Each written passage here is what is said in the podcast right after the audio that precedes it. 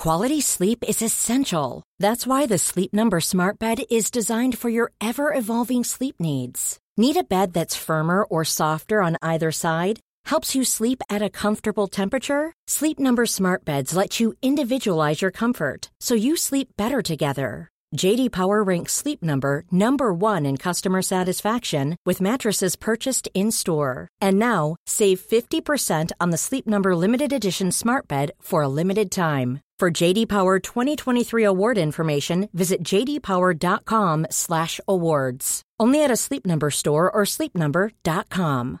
Hi, I'm Daniel, founder of Pretty Litter. Cats and cat owners deserve better than any old-fashioned litter. That's why I teamed up with scientists and veterinarians to create Pretty Litter. Its innovative crystal formula has superior odor control and weighs up to 80% less than clay litter. Pretty Litter even monitors health by changing colors to help detect early signs of potential illness. It's the world's smartest kitty litter. Go to prettylitter.com and use code ACAST for 20% off your first order and a free cat toy. Terms and conditions apply. See site for details. Hallå! Simon Gärdenfors heter jag och snart börjar min podcast Arkivsamtal. Podden ges ut i samarbete med Acast och med Mafia Comedy Club. Som ger er stand-up fem dagar i veckan i Stockholm. Mer info om det här hittar ni på maffiacomedy.se och på Ticknet. Detta händer snart. På torsdagen den 17 september 2015 så kör vi en stand-up show med specialisterna på Oslipat i Stockholm. Det är jag, Anton Mr Cool Magnusson, årets kvinnliga komiker 2015 Petrina Solange samt komikern och rasisten Albin Olsson som kör. Det är lika bra att köpa biljetter nu med det bums, för det blir alltid slutsålt när specialisterna kör. Har alltid blivit det hittills i alla fall. Och det kommer bli svinigt roligt. Biljetter hittar ni på oslipat.com. Och nu så har också biljetterna släppts till premiärhelgen för min första egna stand-up special. En slapp timme heter den. Och börjar i Göteborg på Henriksberg. Jag kör showen både fredagen den 16 oktober och lördagen den 18 oktober. Det är min första egna show. Så det känns lite historiskt för mig och som öppningsakt så tar jag med mig komikern och rasisten Albin Olsson. Missa inte det här! Men se till att köpa biljetter redan nu genom att söka på mitt namn, som är Simon Gärdenfors, på biljetto.se. Utöver det här så kör jag mer stand-up i Stockholm, Malmö, Norrköping, Gävle och Landskrona. Kolla in gardenfors.blogspot.com för länkar och datum och följ mig på Instagram och Twitter för påminnelser, skämt och annat skoj. Där heter jag atgardenfors. Nu kommer Arkivsamtal som klipps av den fantastiske Mattias Lundvall. Mycket nöje!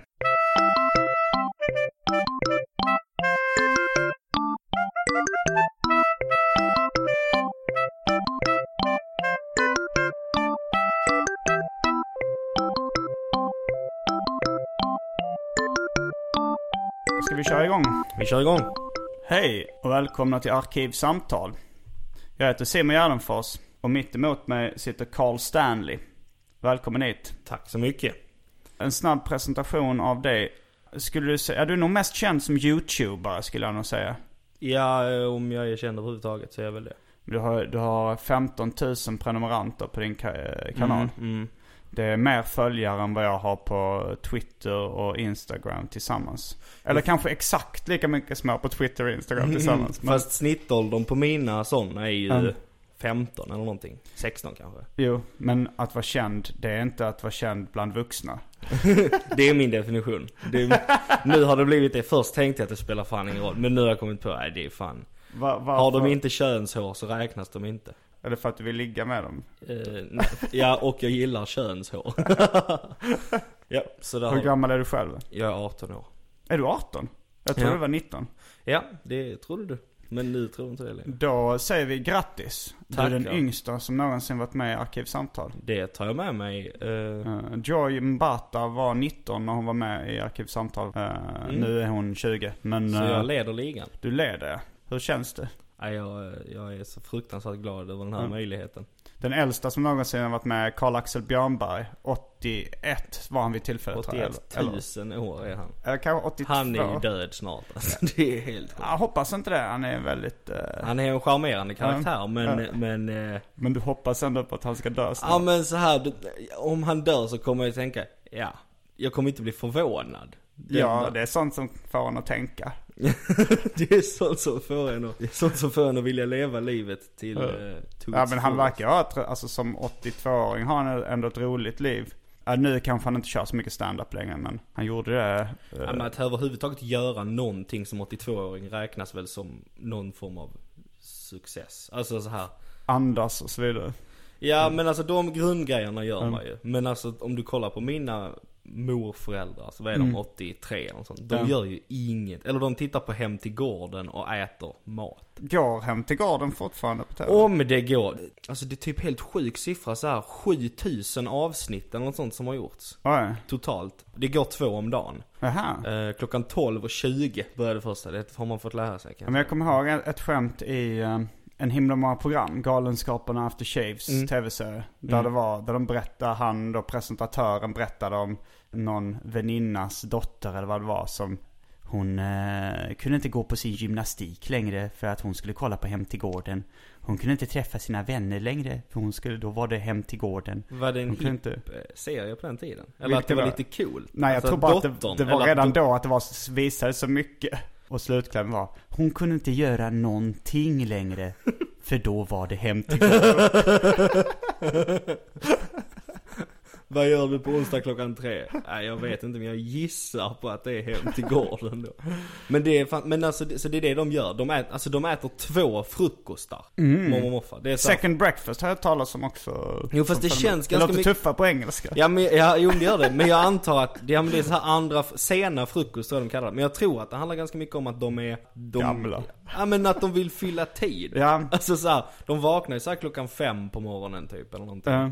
Och sen gör de någon sån här morgongymnastik eller något sånt. Jo, min morfar berättade på den tiden han levde. Han, han gjorde morgonstil. Cyklade i badkaret, alltså ligger på, på rygg och låtsas cykla med benen. Sen gör han armhävningar mot väggen. Att han lutar sig mot Ja, men väggen och gör några slappa armhävningar. Nej. Min mormor, eh, jag vet inte om hon gör det fortfarande, men hon berättade att hon gick upp klockan tre på natten när tidningen trillade in i brevinkastet. Sydsvenskan. Så gick hon upp och låg i sängen och läste den. Så hon gick alltså upp tre. Sen Ytterst det. symbolisk eh, morgongymnastik från din morfar.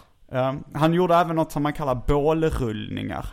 Okej. Där han liksom, jag vet inte, han vrider kroppen som en mask på något sätt. Eller han gjorde. Ja men det tar vi med oss. Jag vet, min morfar har också sina, sina Tar övningar. vi med oss. Det tar vi med oss. Ja, men jag ska tipsa morfar om det.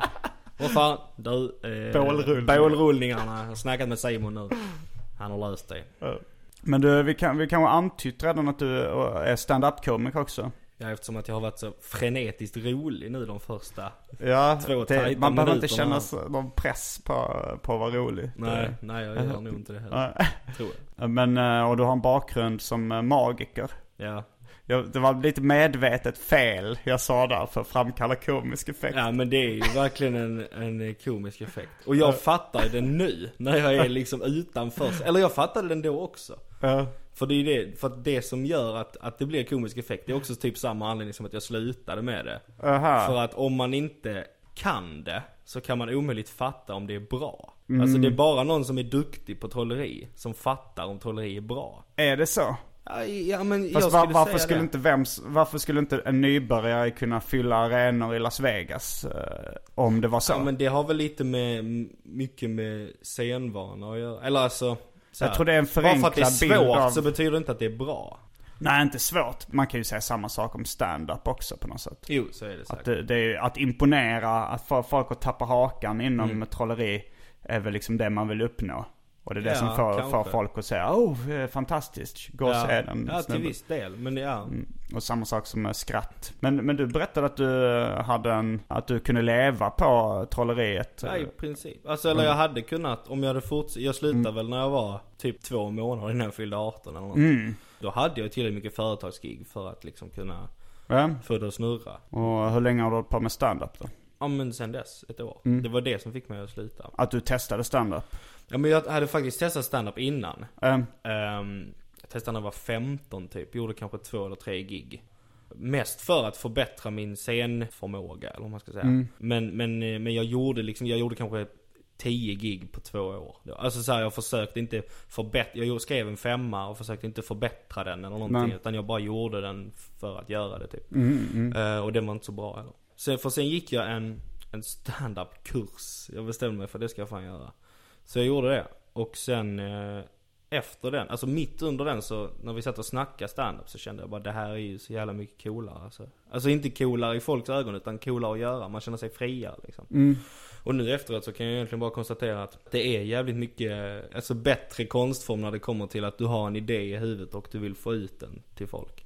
Ja, det är svårare att berätta, en, eh, berätta någonting om sig själv med sitt trolleri skulle jag säga. Ja, om inte publiken är en väldigt, väldigt trollerivan publik. Mm. man ska säga. Men det är jättesvårt att fatta om man inte är det. Ja, det kan det säkert vara. Jag förstår inte hur, hur det skulle kunna vara ett effektivt sätt då. Nej, nej det är ju, stand-up är ju definitivt Mm. effektivare. det, det ska vi nog vara helt överens om. Eh, men nu har det blivit um, förmodligen Sveriges mest ambitiösa stand-up-komiker. Mm, du har sagt det och jag, jag vet inte om jag håller med. Men eh, det är ju väldigt snällt sagt. Uh, men ambitiös, det är ju egentligen, alltså du, du har ju blivit väldigt bra också. Jag tror ju väldigt mycket på det här att ambition och hårt arbete gör någon bra. Eh, För när, jag Ja. träff, men, när jag träffade dig första gången, eh, det var i Helsingborg när jag körde ett stand-up-gig där på Tivoli. Mm. Då, då så snackade vi lite, skulle du köra också? Mm. Då tänkte jag, den här killen kommer vara dålig. Ja men det är klart, det Ja, tänker jag med var- alla. För att du var ung liksom. Och, Ja, ja, men det är klart. Och, så, ja, Det var och jag hade, jag hade inte hört talas om det innan. Nej, då, nej. Och då, men sen, eh, sen blev jag extremt imponerad. Det var ju väldigt, eh, väldigt rolig. Mm. Och sen förstod jag lite hur du hade blivit så rolig att du... För jag trodde ett tag att jag var den mest ambitiösa ståuppkomikern i Sverige. Jag Mm. började ganska sent och kände dels att jag behövde ta igen för förlorad tid. Mm. Och dels så har jag liksom rätt mycket disciplin. Har jobbat upp det liksom i, Mm. i, som serietecknare och sådär. Mm. Det kanske i och för sig du hade också att man kanske behövde väldigt mycket disciplin som uh, trollkarl. Jag tränar ju åtta timmar om dagen i 6-7 år. Alltså 15 000 timmar eller något sånt hade jag totalt när jag slutade. Åh jävlar, räknar Ja. du timmarna? Ja men jag, jag började göra det. Mm. Eh, alltså jag har ju en, en metod för att bli bra. Som trolleriet bevisade att den funkade. Och nu har jag Ja. bara applicerat den på stand-up. Och det är, lägg mer tid än alla andra så blir du bättre än alla andra. Alltså då- det kan ju inte vara mycket svårare än så. Uh, nej, nej men det beror nog lite på om man har en viss fallenhet för någonting också. Ja, så är det ju men, säkert. eh, Men om du bara, jag tror om du är, om du har en hjärna som är hyfsat normal Mm. eller eh, smart. Mm. Då kan du nog bli jävligt bra på det. Man kan ju ha problem också, alltså så här ADHD eller bara problemet lat. Jo men eller precis. Liksom, ja men lat är ju värst. Mm. Men alltså jag tror att, alltså jag, jag visste inte hur mycket tid folk la. Nej. på stand-up och på att göra grejer. Men jag kände också att vad fan, om jag lägger typ så mycket tid som jag kan. Och om jag inte sitter och skriver aktivt så kan jag i alla fall tänka på det liksom. Mm. Alltså det mesta jag gör, gör jag ju för att bli en bättre stand-up-komiker. Mm. Jag- Jag gillar den. Det, det är lite därför du sitter här idag också. För jag, jag är så fascinerad av det här liksom drivet. Mm. Som är ganska ovanligt ändå eh, att se. Liksom, Mm. Även bland kreativa människor och sådär. Så, så jag kan känna mig lite ensam ibland som den som är mest ambitiös. Mm. Så jag tyckte det var roligt att träffa någon som, som är ännu mer. Åtta timmar, det är skitsvårt. Eh, som serietecknare la jag i och för sig det många Mm. dagar liksom. Men det är ändå, det gjorde jag inte när jag var tonåring. Nej. Eh, det tog ganska lång tid för mig att liksom jobba upp den disciplinen på något sätt. Mm. Alltså jag kan ju titta på vissa komiker idag som jag känner Mm. bara, den där människan ville vara Johan Glans liksom. Mm. Han hade velat stå på Cirkus och sälja ut det fem kvällar i rad. Och bara riva stället varje kväll. Det Mm. hade den här människan viljat. Men hen misslyckades. För att vad som helst. Men jag skulle ju gissa att det handlar om att inte lägga tillräckligt mycket tid. Inte skriva tillräckligt mycket. Skulle också kunna ha med fallenhet att göra. Men alltså det man kan styra är ju på något sätt hur mycket man jobbar. Ja, det är det ju. Och då är det Eh. väl bara att, ta det som man kan kontrollera och göra det bästa av det. Har du några fasta rutiner? Jag försöker uh, göra som, som Fredrik Andersson och skriva 10 skämt om dagen. Mm. Eh, Men han sa också att han försöker det. Men sen så när jag, pressade honom någon gång så är det så att han fuskade ganska mycket med det. Mm. Att det är så här, ah, nu har jag en ny show. Ja. Så nu skriver jag inte, nu skriver vi inga skämt om dagen. Liksom så. Och, det, och jag är ju mer, eh, väldigt så här lutheransk på det sättet att jag har, Mm. sen jag bestämde mig för att skriva ett skämt om dagen har jag inte hoppat över en enda dag. Mm. Alltså jag har gjort det i kanske en månad, den här 10 skämt om dagen Mm, grejen. Och alltså jag har inte hoppat över Men en månad i ditt liv, det är som ett år i mitt Ja, liv. om jo man tar så är det procentuellt. Så att eh, jag, jag har skrivit mer än det. Nej, jag har i och för sig inte levt 12 gånger så länge. så, det, är, det, är, det är där i faggorna någonstans. Men jag har i alla fall, eh, ja men så jag har inte hoppat över det på denna månaden. Men jag tror att det finns säkert saker som skulle kunna få mig att hoppa över. Sen så ibland så skriver jag ju 20 liksom. Det Alltså, är helt otroligt. jo men det är, jag tycker inte att det I och är för sig det. så, ja, jag kommer ihåg en gång eh, när jag var liten och, och började med skämtteckningar. Då Mm. kanske jag skrev 20, hitta på 20 skämtteckningsmanus på en kväll. Ja. Men de var ju väldigt dåliga de flesta. Ja men det är det jag menar, och de här skämten som jag skriver, de är ju aldrig tänkta typ på en scen. Vissa kommer ut på Twitter typ, och hela poängen är att det ska finnas en vändning i dem. Eller en twist. Eh, Alltså, de flesta blir ju liksom switcheroo, rycka undan mattan skämt. ja, vi förklara det för lyssnarna? Ja, det kanske vi ska. Har du något exempel på ett sånt Eh, skämt? Men vi kan ta Fredrik Andersson då. Jag har en tatuering med namnet på mitt ex. Mm. Och tjejen jag är tillsammans med nu blev vansinnig när jag berättade att jag hade tänkt att skaffa den. Ja, då tror jag du berättade den fel. För du säger jag har en tatuering. Ja men det Eh, har han ju. Men jag bara mi- minns det som att han berättade den att jag hade ett bråk om en tatuering. Jo men, Så var det kanske. ja, jo det är det. Men, men i och för sig det skulle ju kunna vara som du blir säger också att han har den fast det utspelade sig tidigare. Ja, Det är en rycka undan mattan. precis. Du eh, leder in skämt. publiken på ett uh, håll och sen så bara vänder. Den medvetna vilseledningen Ja, ja eh, precis. kallas det när jag läste det i någon amerikansk bok. Fast så översatte jag det till Ja. den medvetna vilseledningen. This is the medvetna vilseledning by Sweden Greg Dean.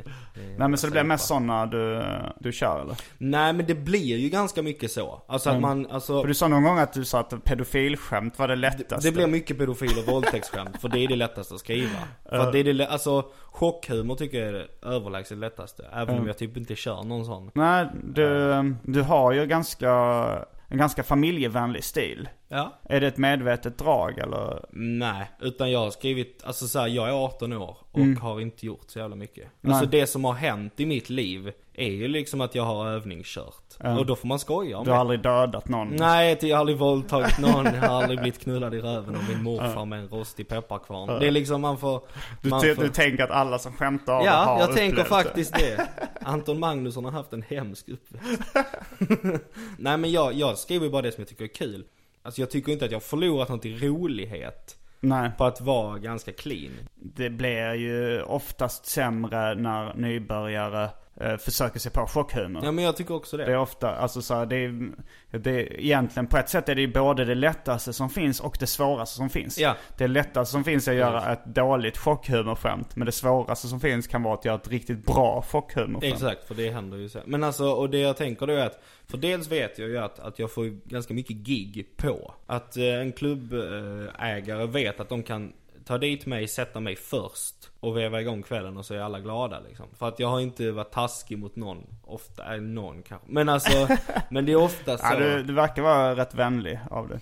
Ja, det är inne i huvudet det är det ju inte så. Men, men, men eh, på utsidan försöker jag väl vara. Nej, för sig, du, när vi var senast i Helsingborg, eh, nej i, i Kristianstad. Kristianstad, ja. Så du var inte taskig, men du hade en liten roast-aktig humor mot mig.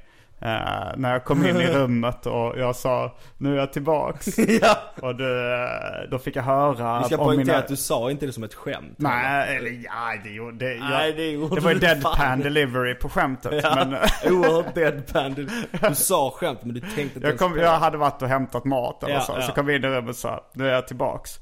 En, I min version av historien så är det var nog medvetet att jag skulle vara, leka lite divig. Ja, okej. Men du uppfattade det bara som att jag var divig. Ja men jag var bara såhär, nej men jag, alltså jag fattar ju att du fattade liksom. Men så sa jag något så här bara, åh den store Simon är tillbaka, bugar, något sånt. Du behöver inte säga vad du gör hela tiden.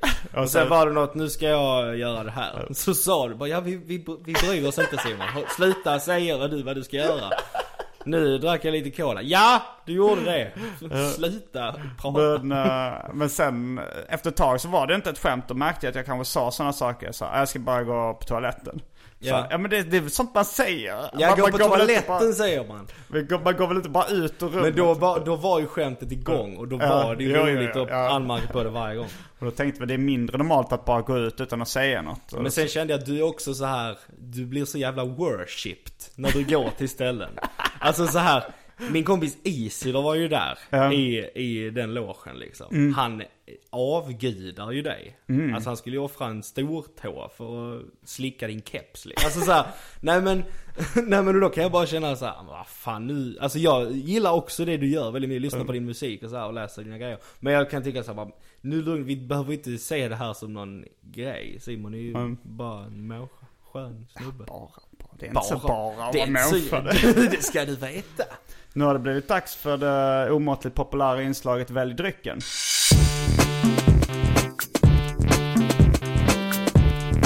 Jag tror vi börjar med det fasta inslaget Välj drycken! Och här kommer eh, alternativen. Fanta Chocata, Dry Martini, Hawaii Gay Club, Baileys, Pepsi Max, Inca Cola, Focco Birdnest Drink. Och här eh, de asiatiska alternativen som finns kvar. Då har vi eh, Birak eh, Sikhy, en söt koreansk risläsk. Bakasu F, koreansk energidryck som på engelska marknadsförs som Bacchus F. Och den, den drycken då eh, används som täckmantel för eh, 50, 60, 70-åriga prostituerade kvinnor i Seoul. Vad är du sugen Sa på? du inte och för tråkmånsar nej Det glömde jag. Ja. Det, det kanske jag har glömt lite på sista Ja. tiden. För jag har en tanke om det nämligen som jag Okej. har tänkt på. Säger och Och det för- är att jag köper inte att vatten längre är för tråkmånsar och nej-sägare. Jag måste bara säga det för...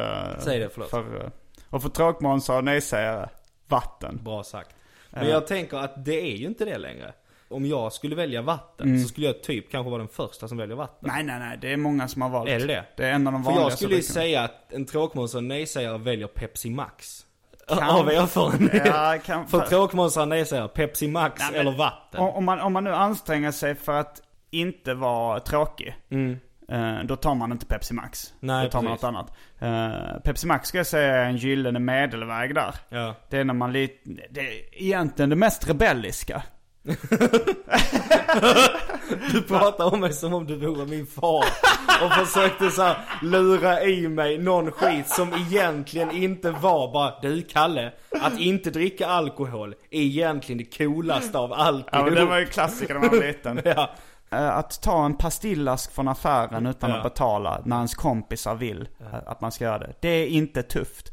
Men att våga säga nej, att Det vara den som tufft. inte tar en pastillask. det är Då inser man bara pappa du är en så jävla tönt. Du är en så jävla loser. Men det var lite på samma eh, nivå som du tyckte att det inte var tråkmåns och nej att ta vatten. Att du tyckte att det var egentligen lite rebelliskt. Ja. Men, men så, det, är, det är så många, om du lyssnar igenom, om du luslyssnar på alla Ja, Arkivs ja. Då är det ganska många som har tänkt så. Jag ska, Är det så, alltså? ha, alltså som säger lite koketterande, ah, jag är en tråkmåns och nej-sägare, jag tar vatten. Jaha. Och vill vara originell genom det. Jävlar. Men det har svängt. Så att det är inte originellt längre. Men vill så, du höra? eh, så jag ska säga att andra, jag ska säga att Pepsi Max Så nu var jag en jävla sopan då som sa det här. Men jag måste bara säga, på Malmö central Mm. så finns det den här pocket shop där man kan köpa böcker. Mm, ja det. I den Mm. så kan man köpa, det finns, Pocket Shop har sina egna anteckningsböcker. Mm. Så här bara, här är vår fantastiska anteckningsbok. Och sen under så finns det en vanlig tråkig så står där. Och för tråkmånsar och nej-sägare, en helt vanlig anteckningsbok. Va? Ja. Har de skrivit det för... eh, Jag skulle gissa att det är för, eh, alltså just för att, anta att det är så för att de har sin anteckningsbok. Ja. Och sen har de skrivit på sin, och för tråkmånsar. Så jag antar att det är din eh, förtjänst. Ja, ja, ja, jag har inte hört eh, den kombinationen eh, i något annat sammanhang. Jag vet att jag hade en bild på det i min gamla telefon. Mm. Men jag kan försöka fixa det nä- nästa gång jag är på Malmö central. Men, men de har ju sålt mina böcker där, alltså bland annat turist och sådär. Mm, och då sa okej. att de hade skrivit så här, att på Simons 120 dagar så stod det så här, bra mycket bättre än uh, Marquis de Sads uh, Sodoms 120 dagar. Här, okej. Min heter det Simons 120 dagar. Ja, ja, ja. Så jag finns på deras radar redan. Någon av dem i alla fall. Så det är någon på jävel som lyssnar på Arkivsamtal. Men vi det är, det är en rolig internskämt, eller så här smal referens för, eller smal och smal, det är hundratals tusen lyssnare i månaden. Eller downloads i alla fall. Okej, nu vet inte Här jag. finns även... eh, Ja men jag vill ha en av de asiatiska. det här gör dig väldigt originell, att du tar pappret och börjar titta Ja själv. men vad fan, det har jag aldrig tidigare Kan du hänt. de här namnen? Taiwan Mongo, ma, Mongo Bear? Nej Mango Bear var Den är slut. Den är Eh, slut. Är. Birak Shikaye, är den kvar? Den är kvar? Då vill jag ha den. Okej. Då tar jag själv en Hawaii Gay Club. Det går inte att hitta en godare dryck. Så därför tar jag den. Okej. Sen kan man ju dricka drycker av andra anledningar. Ja. Som till exempel att man inte vill bli full eller att man ja, vill vara nyttig eller någonting. Eller Men jag, törstig. idag vill jag ha en, ja törstig, det, kan, det är ingen törstsläckare. Nej. Det är ingen riktig törstsläckare. Eh, Nu en, en gissningslek. Mm. Du får, eh, du får tusen kronor om du, nej det får du inte. 500 får du ifall du kan gissa den här uh, drycken. Den perfekta mixern och törstsläckaren. Snapple, jag vet inte. Ja, grappo. Grappo. Åh, det är så jävla gott med grappo. Det är den perfekta mixern och Ja, törstsläckaren. ja, jag kan Ja, tänka det är en gammal slogan. Det borde jag gissat. Ja. Eh, Då är vi strax tillbaks med dryckerna kända från det omåttligt populära inslaget Välj drycken. Häng med!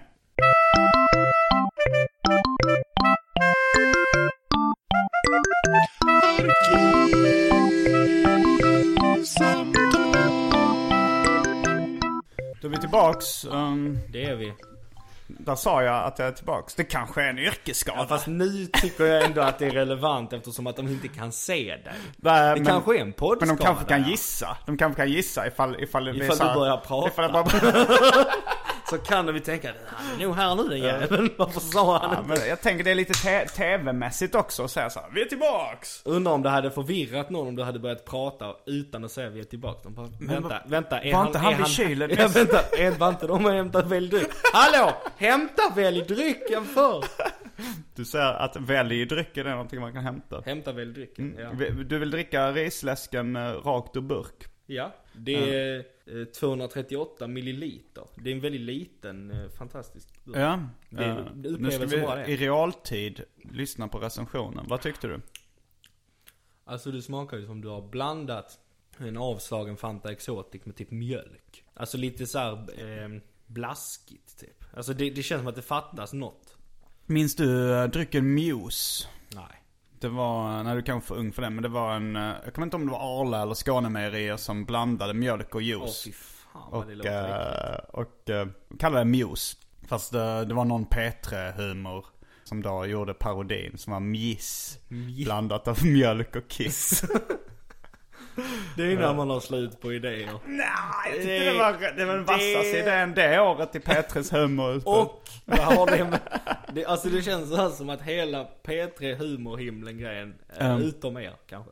Nu Får- blev det det här, eh, alla invandrare ska ut utom du, Ja. eh, Ahmed i kebabkiosken, du får stanna. Ja, exakt Men- så tycker jag. Exakt så tycker jag. Lustigt att du säger det. För jag har faktiskt lite åsikter här med mig på ett papper som jag tänkte läsa. Eh, nej men det känns som väldigt mycket sån här P3-humor är bara så här. Eller den eh, humorhimlen är bara känns som att nu hade ni idétorka. Ni Mm. tänkte inte på hur mycket det var ni egentligen skulle skriva. Och så blir det mesta bara så här.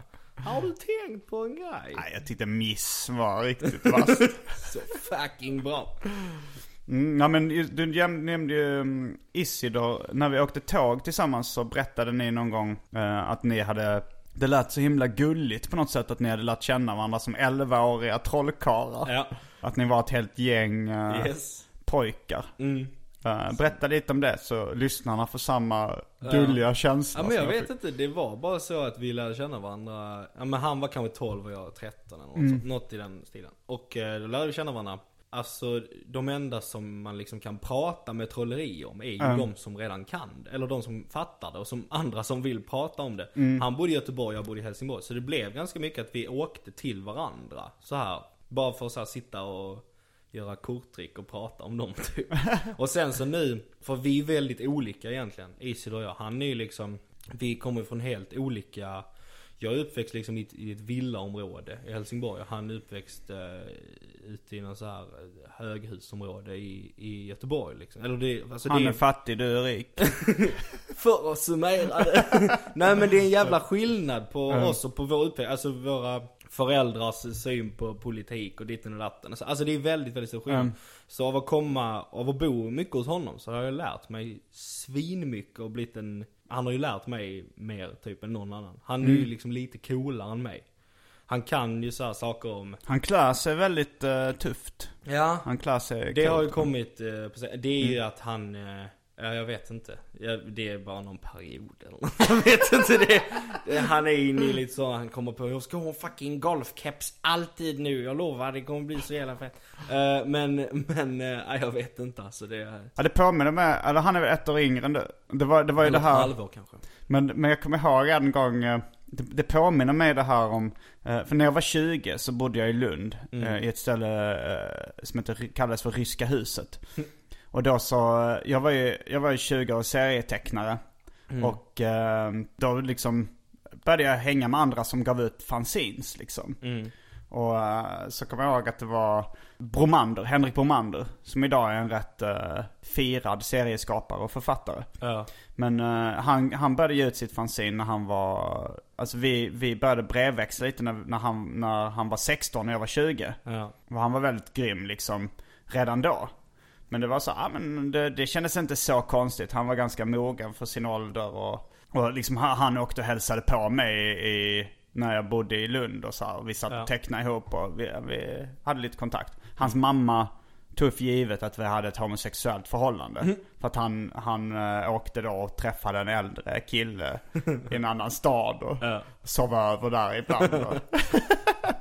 Och, eh, han hade liksom aldrig pratat om sina föräldrar med, om tjejer eller något sånt. Så de tänkte, ja ah, men han är väl bög, det är väl okej att han åker. Det är väl Och han, okej. Eh, han, gjorde väl, ja, men han gjorde väldigt mycket så här, eh, serier om, för att han var homofixerad. Okej. Men eh, inte homosexuell. Han önskar nog att han hade varit homosexuell. Men han var väldigt homofixerad. Han tyckte det var väldigt kul att göra serier om bögsex. Mm. Och han var fixerad vid allt som... Min, min lilla syster också väldigt homofixerad. Ja. Alltså så här, tycker det är väldigt spännande med homosexualitet. Och gillar det liksom. Det är, Ja. det är ju skillnad på att vara homofobisk och vara hom, homofixerad. Ja, det är väldigt... Väldigt stor skillnad. Fast det, det kan ju ofta tangera lite samma känslor. Folk som är, alltså jag, jag kan känna ibland att jag, att jag tycker så mycket om afroamerikansk kultur att det blir lite, lite rasistiskt. Jag är mer fascinerad av den kulturen än andra kulturer. Och då blir det ju inte att man bedömer alla på samma sätt riktigt. Nej. Jag tänkte när, en gång faktiskt när, i tunnelbanan, när det kom in en svart kvinna i min egen ålder. Att jag skulle så här, resa mig upp. För att visa, för att visa min respekt. Och det är ju jätterasistiskt.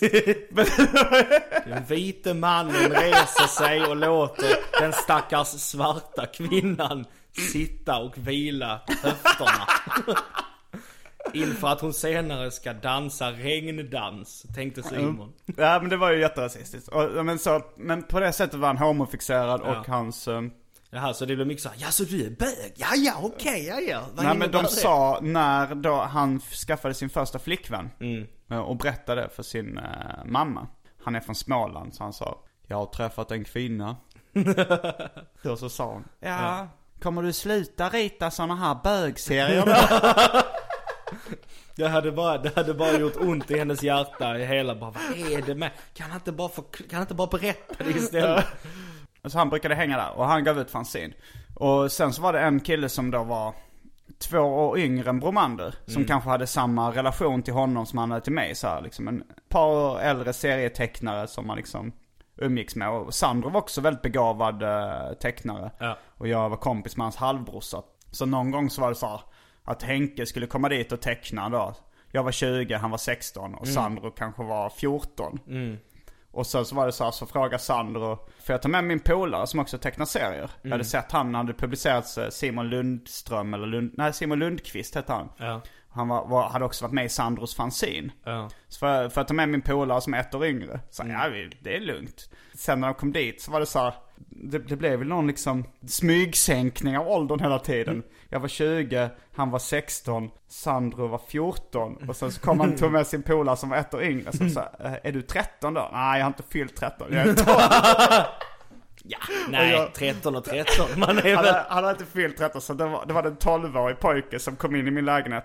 Och jag bodde i någon form av kollektiv där på Ryska huset liksom. Ja. Eller man hade sitt eget rum men det var en korridor. Det var Ja, ja. ganska mycket som en studentkorridor. Ja. Men eh, det var ju, man såg ju blickar från mina, för jag förklarar ju ingenting för mina liksom korridorskamrater när det kom in 12-åriga pojkar i, Men han sa till sin mamma, jag ska till ryska huset. Det måste ju varit en bara, Var ska du någonstans Jocke? Ska du vara ute och leka eller? Nej, jag ska till ryska huset bara. Lite snabbis. Men sen så var vi där och tecknade serier och sen så blev det var alltid lite fest på korridoren på kvällen. Så liksom, jag vet eh, och vi satt där och liksom söp lite. Jag vet inte om de kom över alkohol på något sätt eller. Men jag kommer ihåg, det satt där liksom en 12-årig pojke och typ försökte ragga upp någon tjej i 20-årsåldern. Det gick nog inte jättebra men... Nej, han, men han, han kämpar. Han försökte och det är det viktigaste. Han gjorde sitt bästa. Och sen så inledde jag någon slags romans med en tjej som bodde i min korridor. Ja. Och hon hade ju det här i färskt minne liksom. Det, hon trodde nog, tänkte, såg mig nog lite som Michael Jackson. Inte på det här sättet att jag var en stjärna eller kunde sjunga. Utan att jag umgicks med 12-åriga pojkar på ett suspekt sätt. Och tyckte det var Den rätt... delen av man, det är den delen man inte vill bli bara. Ja men han är lite som, som Michael Jackson kan man säga. Eh, förutom det här då att han är, inte är speciellt begåvad och... Eh, Men han är inte, vit, han är han, vit. han är vit, han är vit och, och knullar små barn gör han. Så där har vi ju ändå två gemensamma nämnare. Så Jag tänkte, då är han ju lite som Michael Jackson.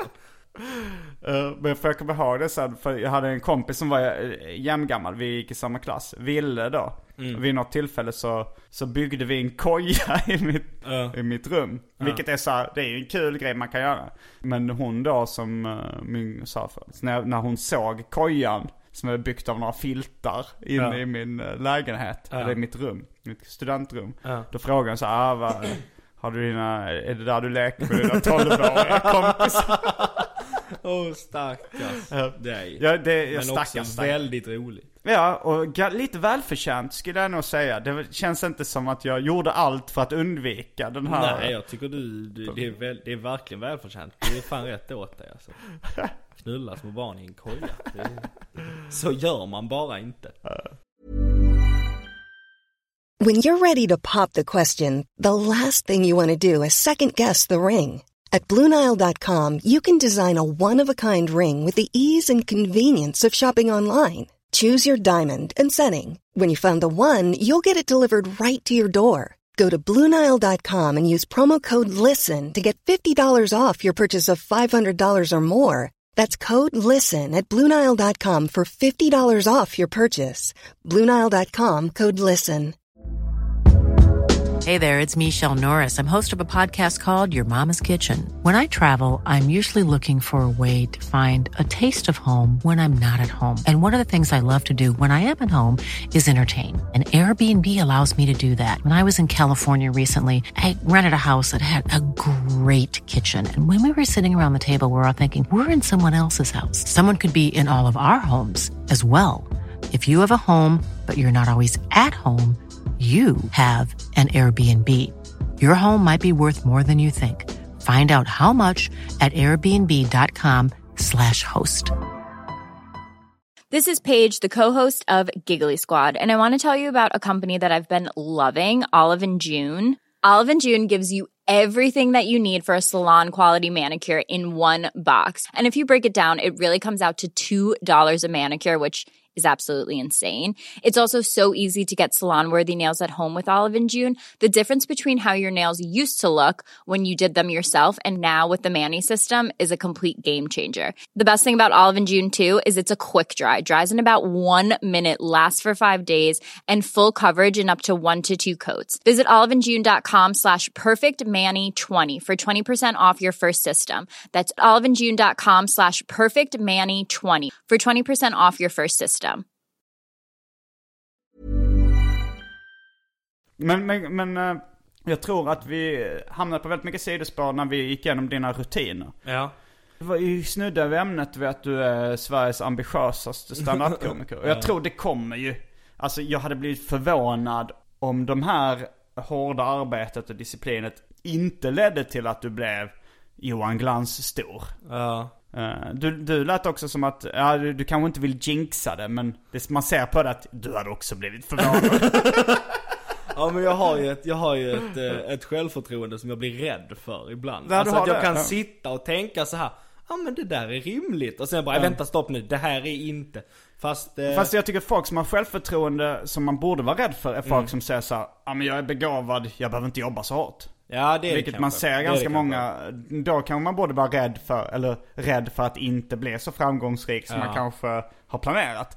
Alltså det, det är jävligt intressant här. Jag vill bli bättre än alla andra, därför ska jag jobba hårdare än alla andra. Ja men det, det, jag menar hur jävla Det svårt- låter ju så logiskt när du säger Ja, det. men det är det väl också? Jo det är det. Men sen det svåra är ju att genomföra det. Jo, jo, jo absolut. Att, att, det är nog många som planerar så här, men jag ska också skriva 10 skämt om dagen. Jo. Dag ett. Humordagboken. Kära humordagbok. Jag lyckades inte skriva 10 skämt idag. Men det handlar, alltså vadå lyckas? Det handlar ju bara om, alltså man måste verkligen sänka sin ribba för vad definitionen av ett skämt är. Alltså du måste, det är bara så här, det handlar om att hitta eh, vändningar och hitta den, den allmänna åsikten om ett ämne. Alltså så här, om du ska skoja om, om plastblommor. Ja. Så måste du veta vad folk tänker om plastblommor. Då kan man ju tänka att folk som har plastblommor är lite misslyckade. Jag tror, vänta. Jag skrev ett skämt som var typ eh, Plastblommor är himla praktiskt för de behöver man inte vattna när man är ute och letar efter sin värdighet. Det är också så, ja men det var ett av sådana tio skämt. Men det handlar bara om att hitta den allmänna åsikten Ja. om någonting. Och att det är tragiskt. Precis, det är tragiskt av plastblommor. Och har du den, Mm. då är det jättelätt att skriva ett skämt. Tycker jag. Ja, kanske. Om man har någon form av fallenhet för det. Fast jag tror, jag tror nog att man kan jobba upp det. För jag kollade också på, när jag började bestämma mig för att skriva ett skämt om dagen. Då gjorde jag det. Ja. De första skämten jag skrev, när jag läser igenom dem idag, så jag hittar inte så mycket skämt i det. Nej. En av mina största förebilder då, speciellt när jag började, var nog Chris Rock. Och det som, då tänkte jag mer att det var roligt så att upprepa ett ord Ja. i, i så här, om man sa så här, vadå? Dog av naturliga orsaker? Vad fan naturliga orsaker? Ja. Nat, vadå natur? Alltså så här, mycket av mina första citat och skämt, slutcitat, är bara så ett upprepande av ett ord jag stör Mm. Men det är för att på. du hör din idol säga dem. Ja, jo så är det Det kan ju vara väldigt mycket så till exempel när man har, om man har kollat på alla Louis CK specials på två dagar. Mm. Och sen sätter sig och skriver skämt. Då Jo. är det ju väldigt lätt att man skriver grejer som Louis CK skulle kunna säga. Eller sådär. Jo, så alltså det. saker som man kan höra honom säga så att det blir kul. Ja. Och klichén går ju att man ska hitta sin egen röst. Ja men det är klart man ska. Ja, Men jag tror också så här, jag tror att det stora felet många komiker gör är att de tittar på stora komiker, till exempel Mm. Louis CK. Och tänker att de spelar på samma, alltså efter samma regler som han gör. Mm. Alltså att de tänker så här. Ja men han kan gå ut och öppna med det här skämtet, då kan jag Mm. också det. Det tror inte jag man kan. Alltså jag läste en bok som hette Comedy Bible, tror jag den hette.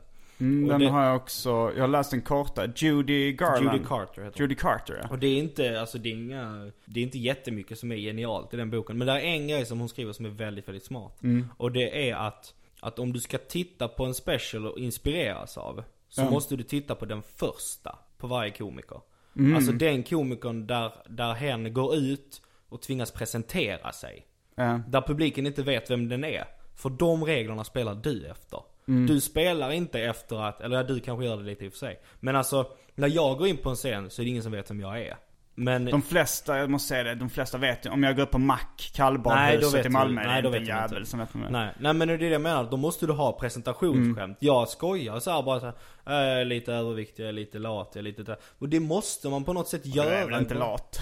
Nej det är jag inte, men jag säger det. Eller jag la på vissa grejer. Men alltså, jag tror man måste säga det just för att få ut Mm. För, för att de ska, de måste, man måste presentera sig och det får man inte göra om du tittar på Louis CK när han går ut Hello faggots and niggers and cunts Alltså så här, Mm. och man bara ej vänta hur fan kan du öppna med en sån rutin? Jo men så är det ju. De, folk gillar redan Louis CK. Precis. Och därför kan han skämta om att knulla ett dött barn i skogen. Exakt, vilket precis. han har gjort. Ja. Eh, för att de vet, att han är en härlig kille innerst inne egentligen. Exakt. Men om han hade sagt det från början så måste han hitta en sval, smal publik som tycker det är Precis. okej. Ja och det, nej men och det hade, man, det hade ju publiken inte köpt. Nej. Och jag tror att, att det handlar om att bygga något och det måste, det tror jag att många komiker gör som är konstigt. Just när vi pratade om chockhumor innan, att många tänker att bara för att den där komikern kan göra de där skämten, Mm. så kan jag också det helt plötsligt. Jag kommer ihåg att jag hade problemet med det, alltså så att jag var lite känd från eh, andra sammanhang. Alltså så jag gick upp på Big Ben, var ganska nervös och osäker. Eh, och det var kanske så fyra som visste vem jag var. Eh, och så gick jag upp och så var det så att någon som skrek så här Simon G! Och någon som började filma med sin mobilkamera liksom. Ja. Och jag blev skitnervös och irriterad och försökte säga, men kan du sluta filma? Mm. Och sen så började jag prata och då så var det, började folk viska så här, vem är det? Varför skrek Mm. ja, Varför ja. filmar de? Och ingen koncentrerade sig på att lyssna på vad jag Ja, sa. Det bara, ja. Allt gick så jävla dåligt. Men då måste man ju... Så det var en nackdel för mig då att vara lite känd liksom. Ja, speciellt om det är för något annat. Ja, ja. Ja, jag är ju lite känd som stand-up-komiker men jag tycker faktiskt det är mer jobbigt än vad det är. Nej men jag tror att det är, att då måste man ju stänga den dörren direkt. På vi, hur Då menar måste du? man ju gå upp och säga, helst i ett skämt, men att säga hej jag heter Simon Gärdenfors, jag jobbar i vanliga fall som, eller så här, jag har Jo, även, men, alltså men då, är, då är det att- för de fyra av 80 persen liksom.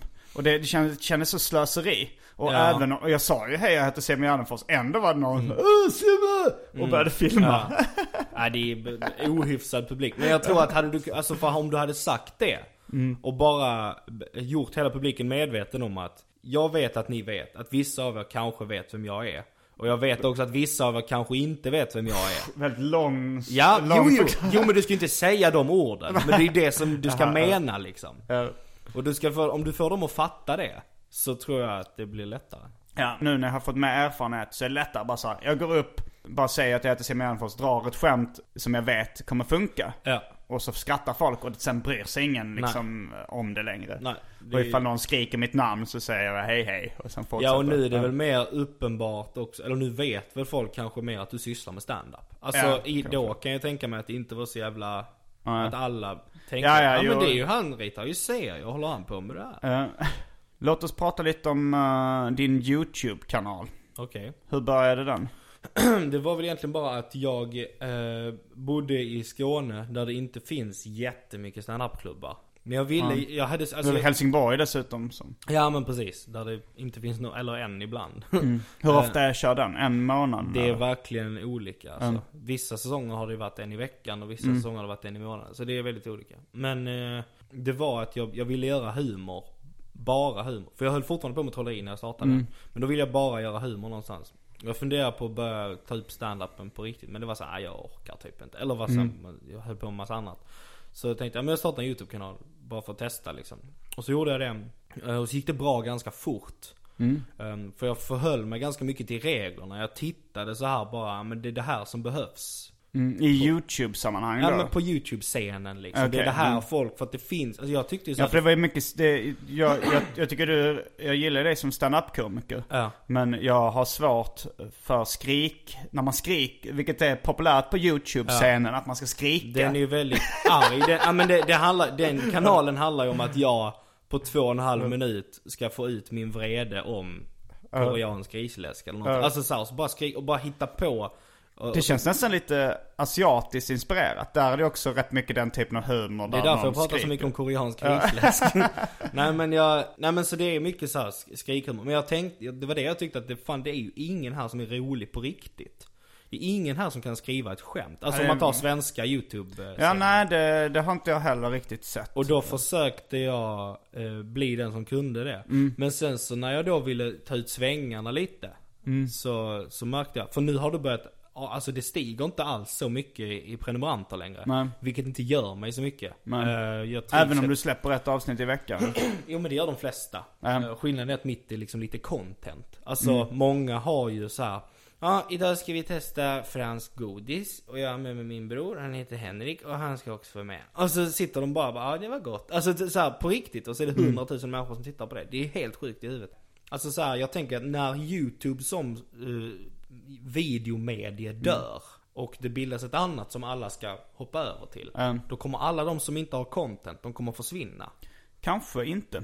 Det kanske är... Nej, alltså, det kanske det, blir någon... eh, Det kanske också är så att, eh, att det, mycket av det populäraste är ju lite eh, en blandning kanske mellan, ja men så Pewdiepie är väl delvis så här, Ja, jo, eh, skämt och delvis att ganska mycket vardagsrealism. Att de Ja. bara, det är som att spela dataspel med en kompis liksom. jo. Någon som är lite kul. Ja det handlar ju om att de vill ha en, alltså det är en virtuell kompis. Det här Ja. YouTube-folket. Och eh, det vill inte jag riktigt vara. Eller alltså det är inte det jag Men- siktar på. Utan jag vill bara säga roliga grejer. Och sen så har det blivit en övning att skriva en sån här i veckan liksom. Ja.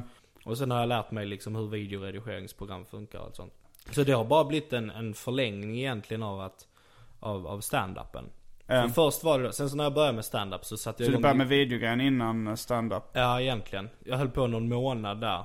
Eh, och sen så när stand-upen började satte jag igång videogrejen ännu mer liksom. Bara la mer fokus på de manusen och så. Och det är ju en jävla övning att skriva två, tre minuters video varje vecka. Där det det är ska det. finnas eh, en spaning och lite vändningar och lite punchlines Mm. För det är en sån grej som har utvecklat mig som fan. Just att bara skriva ihop något och sen bara sitta och säga det men också improvisera runt det framför en kamera. Men du har ju en del fans ändå. När jag var i Värmland och körde på Kristoffer Appelqvists klubb så var det en av de killarna som hade den klubben som han sa hans dotter, liksom den stand-up komikern hon helst ville se var Carl Stanley. Och det var förmodligen för att hon följde det i en Mm. Ja, YouTube ja men det är eh, Erik. Erik Axelsson. Det är kanske inte så många av mina lyssnare som vet vem det är. Men, Nej men han men för- jobbar på Preacher Man. Mm. Som är Kristoffer Appelqvists bokningsbolag. Ja.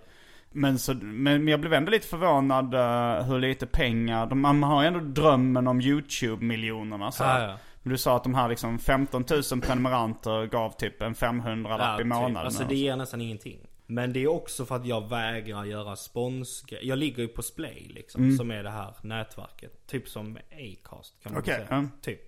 Och... Eh, Så de klipper in reklam ändå på något sätt? eh? Nej men de har liksom makt över att stoppa in egen reklam. I, Alltså så här. okej, Men så de man får lite mer än en vanlig YouTube? Jo precis, men de kan också ringa mig och säga såhär Hej du, eh, Fyndik ska sälja selfiepinnar. Mm. Och vi skickar 10 selfiepinnar till dig. Kan du göra något roligt med dem då? Eh, Då säger var- jag, dra åt helvete typ. Alltså så här, det kommer jag aldrig göra. Nej. Och då får man massa pengar för det. Men det tänker jag inte göra liksom. Okej. För att det är, jag tycker inte det är bra. Du gillar inte selfiepinnar? Nej jag hatar selfie. Nej men det är också det att, att jag, jag planerar att vara i det här gamet länge liksom. Och om, om 20 år så ska man googla, vad gjorde Karl när han Ja. var ung liksom? Mm, han satt och pratade om selfiepinnar. Men så Seinfeld gjorde ju reklam, reklamfilmer innan han blev känd också. Jo. Eh, det spelar väl inte så stor Fast i USA har, har folk en menar mer det- förlåtande syn på det. Fast det lever nog inte kvar på samma sätt. Alltså nu är det ändå internet. Mm. Och är det på internet så försvinner det ju inte även om du tar bort det. liksom. Så är det lite. Vi kom aldrig så långt i. rutinmänniskan. Ja men det jag gör är. Ska, ska jag säga bara de jag, har- grejerna jag har hört? Ja. Att du skriver 10 skämt om dagen, Ja. du filmar varje gig i stort sett Ja. och kollar på det. Och sen så är det ju det här att du lägger upp en YouTube-grej i veckan. Är det något mer? Eh, jag skriver typ en standup rutin i veckan. En rutin också? Ja, eller alltså en, det blev så när jag gick den här kursen. För det var ju mest, alltså jag var ju egentligen... Var det i Malmö eller? Ja, jag var ju Var det. Lena Frisks Nej, kurs? Ludde faktiskt. Ludde, Ludde Samuelsson som okej. hade på någon sån, man gick ner i någon källare. Det var Mm. egentligen en rookie, alltså för folk som aldrig hade kört standup. Mm. Men jag visste ju redan lite hur man skrev skämt och hade tittat på jätte- jättemycket standup. Så att jag var väl lite överkvalificerad egentligen. Men det jag eh, jagade efter var att man fick läxa varje vecka. Eh, Och man skulle skriva tre minuter till nästa gång. Och så Ja. fick man ett ämne så här, "Åh, kattmat. Skriv om kattmat i tre minuter. Så kommer hit nästa vecka och säger det till oss. Eh, och sen dess har jag typ gjort det. Ehm, en gång i veckan? Ja men typ, alltså det, det är ju inget att jag tänker nu måste jag skriva en i veckan. Men det blir typ så. För jag vet inte, alltså jag undrar ibland. Jag brukar, när folk säger så här till mig bara Jag kan inte skriva tio skämt. Jag kan inte skriva en rutin i veckan. Jag kan inte göra det här. Så brukar jag säga, har du sett eh, Breaking Bad? De bara, ja. Om du har skrivit den tiden du såg Breaking Bad. Så Ja, de menar, de menar inte att de inte har tid. Nej men de är såhär bara, nej alltså jag får inte ihop det är det ofta så Jag får inte ihop att skriva, nej men jag har ju jobb och grejer. Man bara, har du sett House of Cards? Har du sett Breaking Bad? Mm. Ja, jag, alltså jag har i och för sig sett House of Cards, men jag har också skrivit skämt. Alltså så här. Jo, det är ju det är mycket ursäkter. Ja men det är Så- jävla, det är en prior, det är bara göra. Jo. Slu, gör, sluta göra något annat och gör det istället. Samtidigt så har jag hamnat nu i någon form av arbetsnarkomani. Mm. Där jag inte hinner se så mycket tv-serier eller, Nej. eller göra någonting annat förutom att jobba. Ja. Kanske jag, alltså jag dricker ju lite öl och sådär. Eh, men Ja, men jag, gör ju lite sånt Men också. det är mest själv, när du jobbar här hemma. Men, men li- lite så kan jag sakna den här tiden när jag kunde slappna av och bara göra någonting. Jag kan knappt göra det längre. Alltså så här, det händer ibland att jag gör det och det är rätt skönt. Ja. Men det, det är ganska sällan jag, för, för jag känner hela tiden pressen på mig att jag måste jobba liksom. Att jag måste, det har blivit, det har blivit ett beroende. Ja. Eh, att jag får dåligt samvete när jag inte jobbar. Ja. Jag, det har nästan tagit, gått överslag. Det är Men du mer har ju också så jävla många, du har ju musik, Ja. serierna och standup. Ja, serien har, jag tagit en paus från nu. Ja. För, men, eh, men det är stand-up, så musik, detta, poddandet poddandet och- och, Så det är ändå mycket grejer, jag menar det är inte Jo, det så är det. konstigt. och sen så vill jag ju bli bra på allting liksom. Fast jag kan Ja. fokusera mest på stand-up just nu för tillfället. Mm. Men det är också svårt när man, när man har eh, kickat igång en karriär för länge sedan som Ja. sen liksom hänger sig kvar. Ja. när jag väl trodde att jag var ute så drog de mig tillbaka. ja, det är så det är, så det är i livet. Det måste du lära dig nu. ja, nej jag, jag tror ändå att jag mår bättre än uh, genomsnittet. Då får Ja. man väl ändå vara nöjd. Ja, men att, att få göra det man vill. Ja, Typ Ja. hela tiden, om man vill. Jo, Det verkligen. måste ju ändå vara på något sätt fucking toppen av Ja. isberget. Det går inte att Och bli... det jag vill göra, det är att gnälla över min arbetsnatt. Ja, alltså jag Det är det jag pallar inte. Jag pallar inte göra det jag älskar mest i hela världen längre. Så jävla trött på det. Jag vill göra något annat. Jag vill göra något tråkigt. Hallå! Nej men, ehm, alltså för att återgå till rutiner. Ja. Nej men alltså det har, alltså det är inte så mycket att jag är så här pedantisk eller vad heter autistisk. Så här, Ja, du är bara vill- ambitiös. Det är jag som är OCD-barnet Ja men precis, jag är, ja, men jag är inte det. Jag tänker inte nu måste jag skriva till, alltså 10 skämt är en riktlinje. Det kan Ja. lika gärna bli 12 liksom, eller 15. Eller ibland 9 liksom. Men det är ofta, alltså jag sätter mig bara, "Ah, men nu ska jag skriva 10 skämt. Mm. Eh, och det kan man ju göra vad som helst. Alltså på bussen tar man upp telefonen bara, alltså men det är ofta att jag tittar runt mig Mm. och så säger jag pälsmössa. Nu skriver jag ett skämt på pälsmössa. Hur snabbt kan det gå? Alltså det kan ju ta 30 sekunder. Ja. Eh, Men, jag, men jag sitter ofta på, eh, i Helsingborg så har vi, eh, i och med att jag åker mycket tåg, så att till Malmö och Lund för gigga. Eller nu bor jag här, men när jag bodde där. så åkte jag mycket till Malmö och Lund för gigga. Och då på, på centralen, eller på knutpunkten i Helsingborg som det heter. Mm. eh, så finns det ett espressohouse. Så man kan sitta och titta ut på hela, alltså Ja. central, där alla människor är. Och om man sätter sig och kollar ut där. Så ser man alltid någon som går konstigt eller någon som har en konstig slips. Och så skriver man ett skämt på det. Så jag har mycket skämt på kläder. Men skulle du skämmas väldigt mycket om du sa, om någon skulle se de skämten eller du skulle tvingas eh, läsa upp Eh. dem? Alltså för ett intressant grej här och nu skulle ju vara så här, att eh, se hur låg nivå det blir ungefär. Mm. Eller om vi nu säger så att du, att du ska skriva ett band eller ett skämt Nej det om, hade jag inte kunnat göra. om VHS-kassetter liksom. Nej det hade jag inte kunnat Nej okej. Det, Tror det, jag.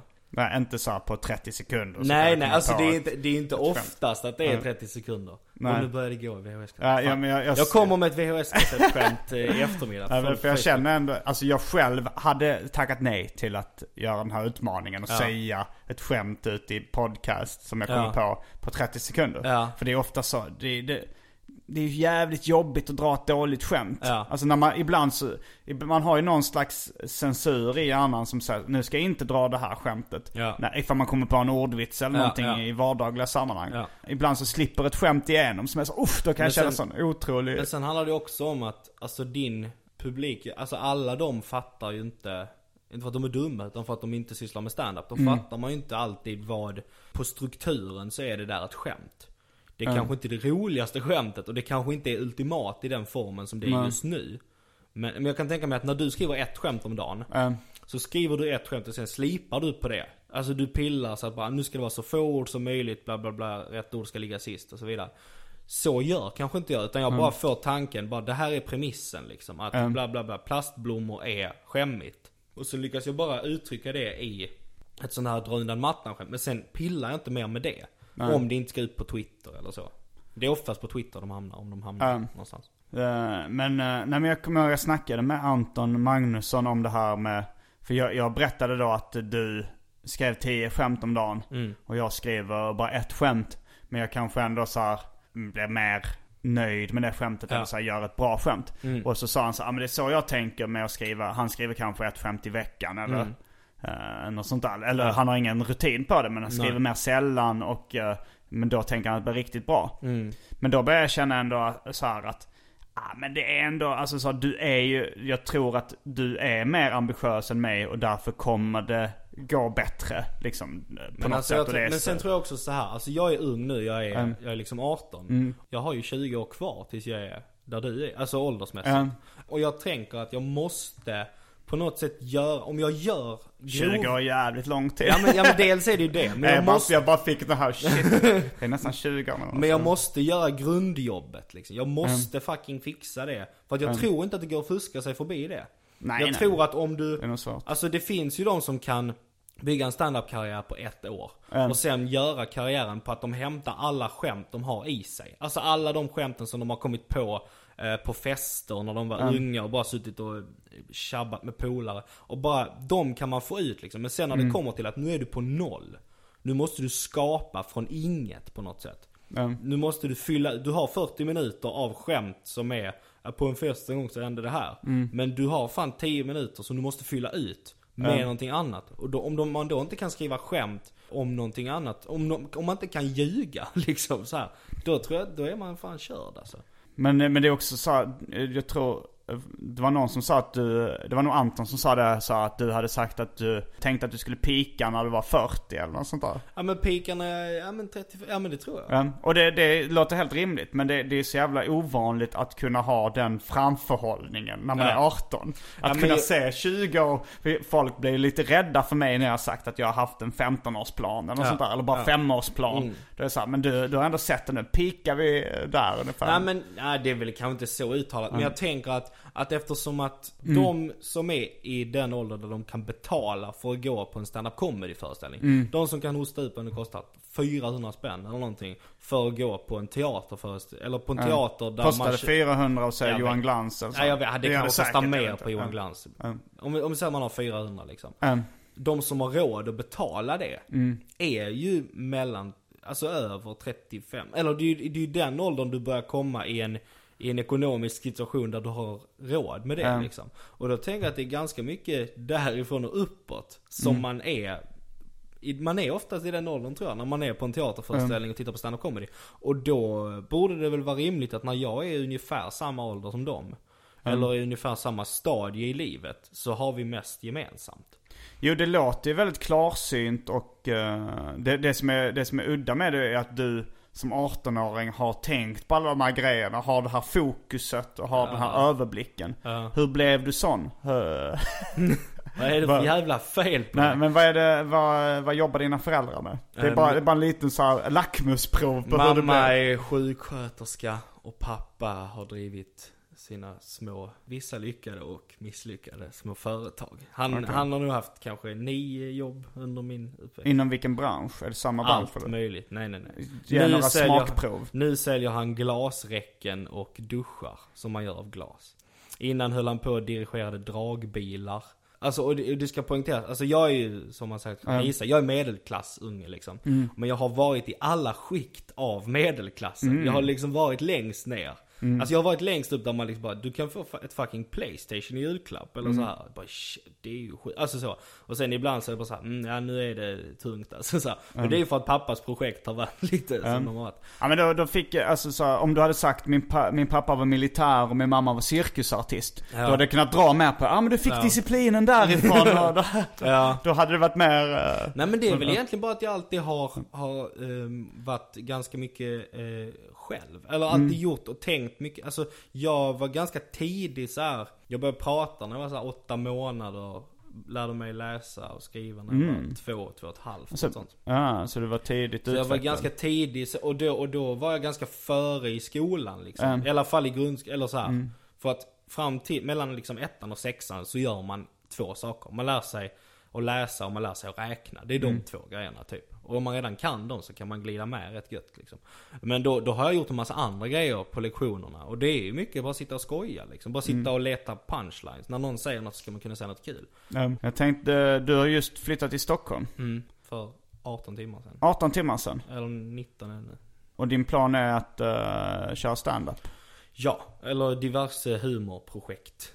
Eh, Jag startar upp så många projekt jag kan just nu bara. För jag vet att två av fem blir av. Typ. Mm. Eller sådär kanske. Blir Och- bra, eller en blir bra kanske om man har tur. Och du eh, har flyttat in en vind i Bromma eller På hur? en vind i Bromma bor jag. Hur hittade du den? Eh, det var faktiskt en gammal, eller det är faktiskt en, en snubbe som höll på med trolleri, eller han håller på med trolleri. Så skrev jag ut på, så var vi Mm. Facebook-vänner liksom. Och vi har hängt, jag har bott där någon gång innan när jag var typ i Stockholm så. Och då var det att jag skrev ut på Facebook, tja behöver bo, för jag hade ett annat Mm. boende innan, en halv lägenhet på Men du har nyligen liksom tagit studenten och gått ut gymnasiet eller? Tog studenten i juni nu, Okej. så. Jag tycker det här, det låter så romantiskt på något sätt. Den här bilden av den, den unge konstnär som flyttar till storstaden, flyttar in på en vind och ska leva på sin konst fattigt liksom. Att eh, eller jag känner väl igen mig lite från när jag var i samma ålder. Ja. Och, och liksom, det, det, det är en så spännande period på något sätt. Nej, det, jag man- sökte inte mig till en vind, ska jag poängtera, Nej, nej, för att nej, bekräfta men- myten. Men då är det ju ännu bättre. Ja. Alltså så om man, om man så här, eh, söker sig till fattigdom är det ju inte lika, lika romant, romantiskt Hej. som när man väl hamnar i det. Jag vill ha jättehög hyra och ett pytte, pyttelitet rum med dålig Men det, du har väl rätt låg hyra gissar jag på? Ja det har jag. Mm, då bör vi runda av den här podden. Någonting du vill eh, plugga eller göra reklam för? Det är Ja. samma sak i och för sig. Det är Men- klart jag vill. Jag har startat en podcast Ja? med min kompis Isi då. Som heter Mm. Resa och boende. Och sen så eh, kan man följa mig på Twitter om man vill. Carl Stanley med två y. Där får ni se vissa av de tio skämt. Carl Stanley. Ja, Carl Stanley och så YY. För att det andra var en saxofonist som hade. Varför har du ett uh, engelskklingande efternamn? Eh, för Och att förnamn. jag hade något... Carl. med C. Carl, varför heter du Simon Gardenfors? Nej men jag hade eh, en gång så gammal alkoholiserad, tror jag. Det har inte mormor eller sagt, men jag Mm. gissar det. så här gammelfarfar, eller- jag vet inte vad fan. Någon gammal släkting som gick i lumpen och så var det bara Hej, ni två heter Olsson, det kan ni inte heta. Och han var bara, ja men jag kan byta. Vad vill du heta då? Stanley till exempel. Och så de bara okej, skriver vi upp det. Och sen så har alla hetat det. Okej. Så Ja, det låter heter det så. alkoholiserat. Ja, jag önskar att det var eh, roligt. Eller jag önskar att det var så här, eh, min eh, moster var hjälte i engelska kriget. Eller någonting. Nej, Jag tycker det är moster. roligare med en alkad Ja, det är eh, rätt roligt. militär. Det är roligare, men det hade varit roligare att ha påbrå från någon sån här hjälte Ja, som ja, ja. stupade i fält. Jag heter at Gardenfors på Twitter och Instagram. Ja. Och eh, då säger vi tack och hej för veckans arkivsamtal. Jag heter Simon Gärdenfors. Och jag heter Carl Stanley. Fullbordat samtal.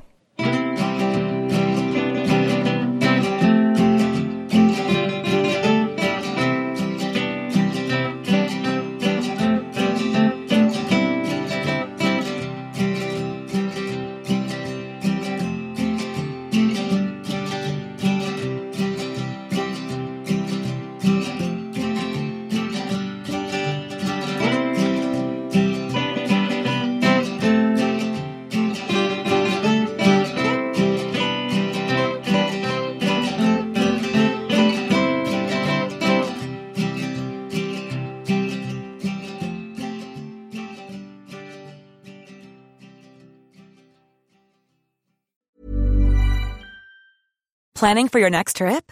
Elevate your travel style with Quince. Quince has all the jet setting essentials you'll want for your next getaway, like European linen, premium luggage options, buttery soft Italian leather bags, and so much more. And is all priced at 50 to 80% less than similar brands. Plus, Quince only works with factories that use safe and ethical manufacturing practices. Pack your bags with high-quality essentials you'll be wearing for vacations to come with Quince. Go to quince.com slash pack for free shipping and 365-day returns. Even when we're on a budget, we still deserve nice things. Quince is a place to scoop up stunning high-end goods for 50 to 80% less than similar brands. They have buttery soft cashmere sweaters starting at $50, luxurious Italian leather bags, and so much more. Plus, Quince only works with factories that use safe, ethical, and responsible manufacturing. Get the high-end goods you'll love without the high price tag with Quince. Go to quince.com slash style for free shipping and 365-day returns.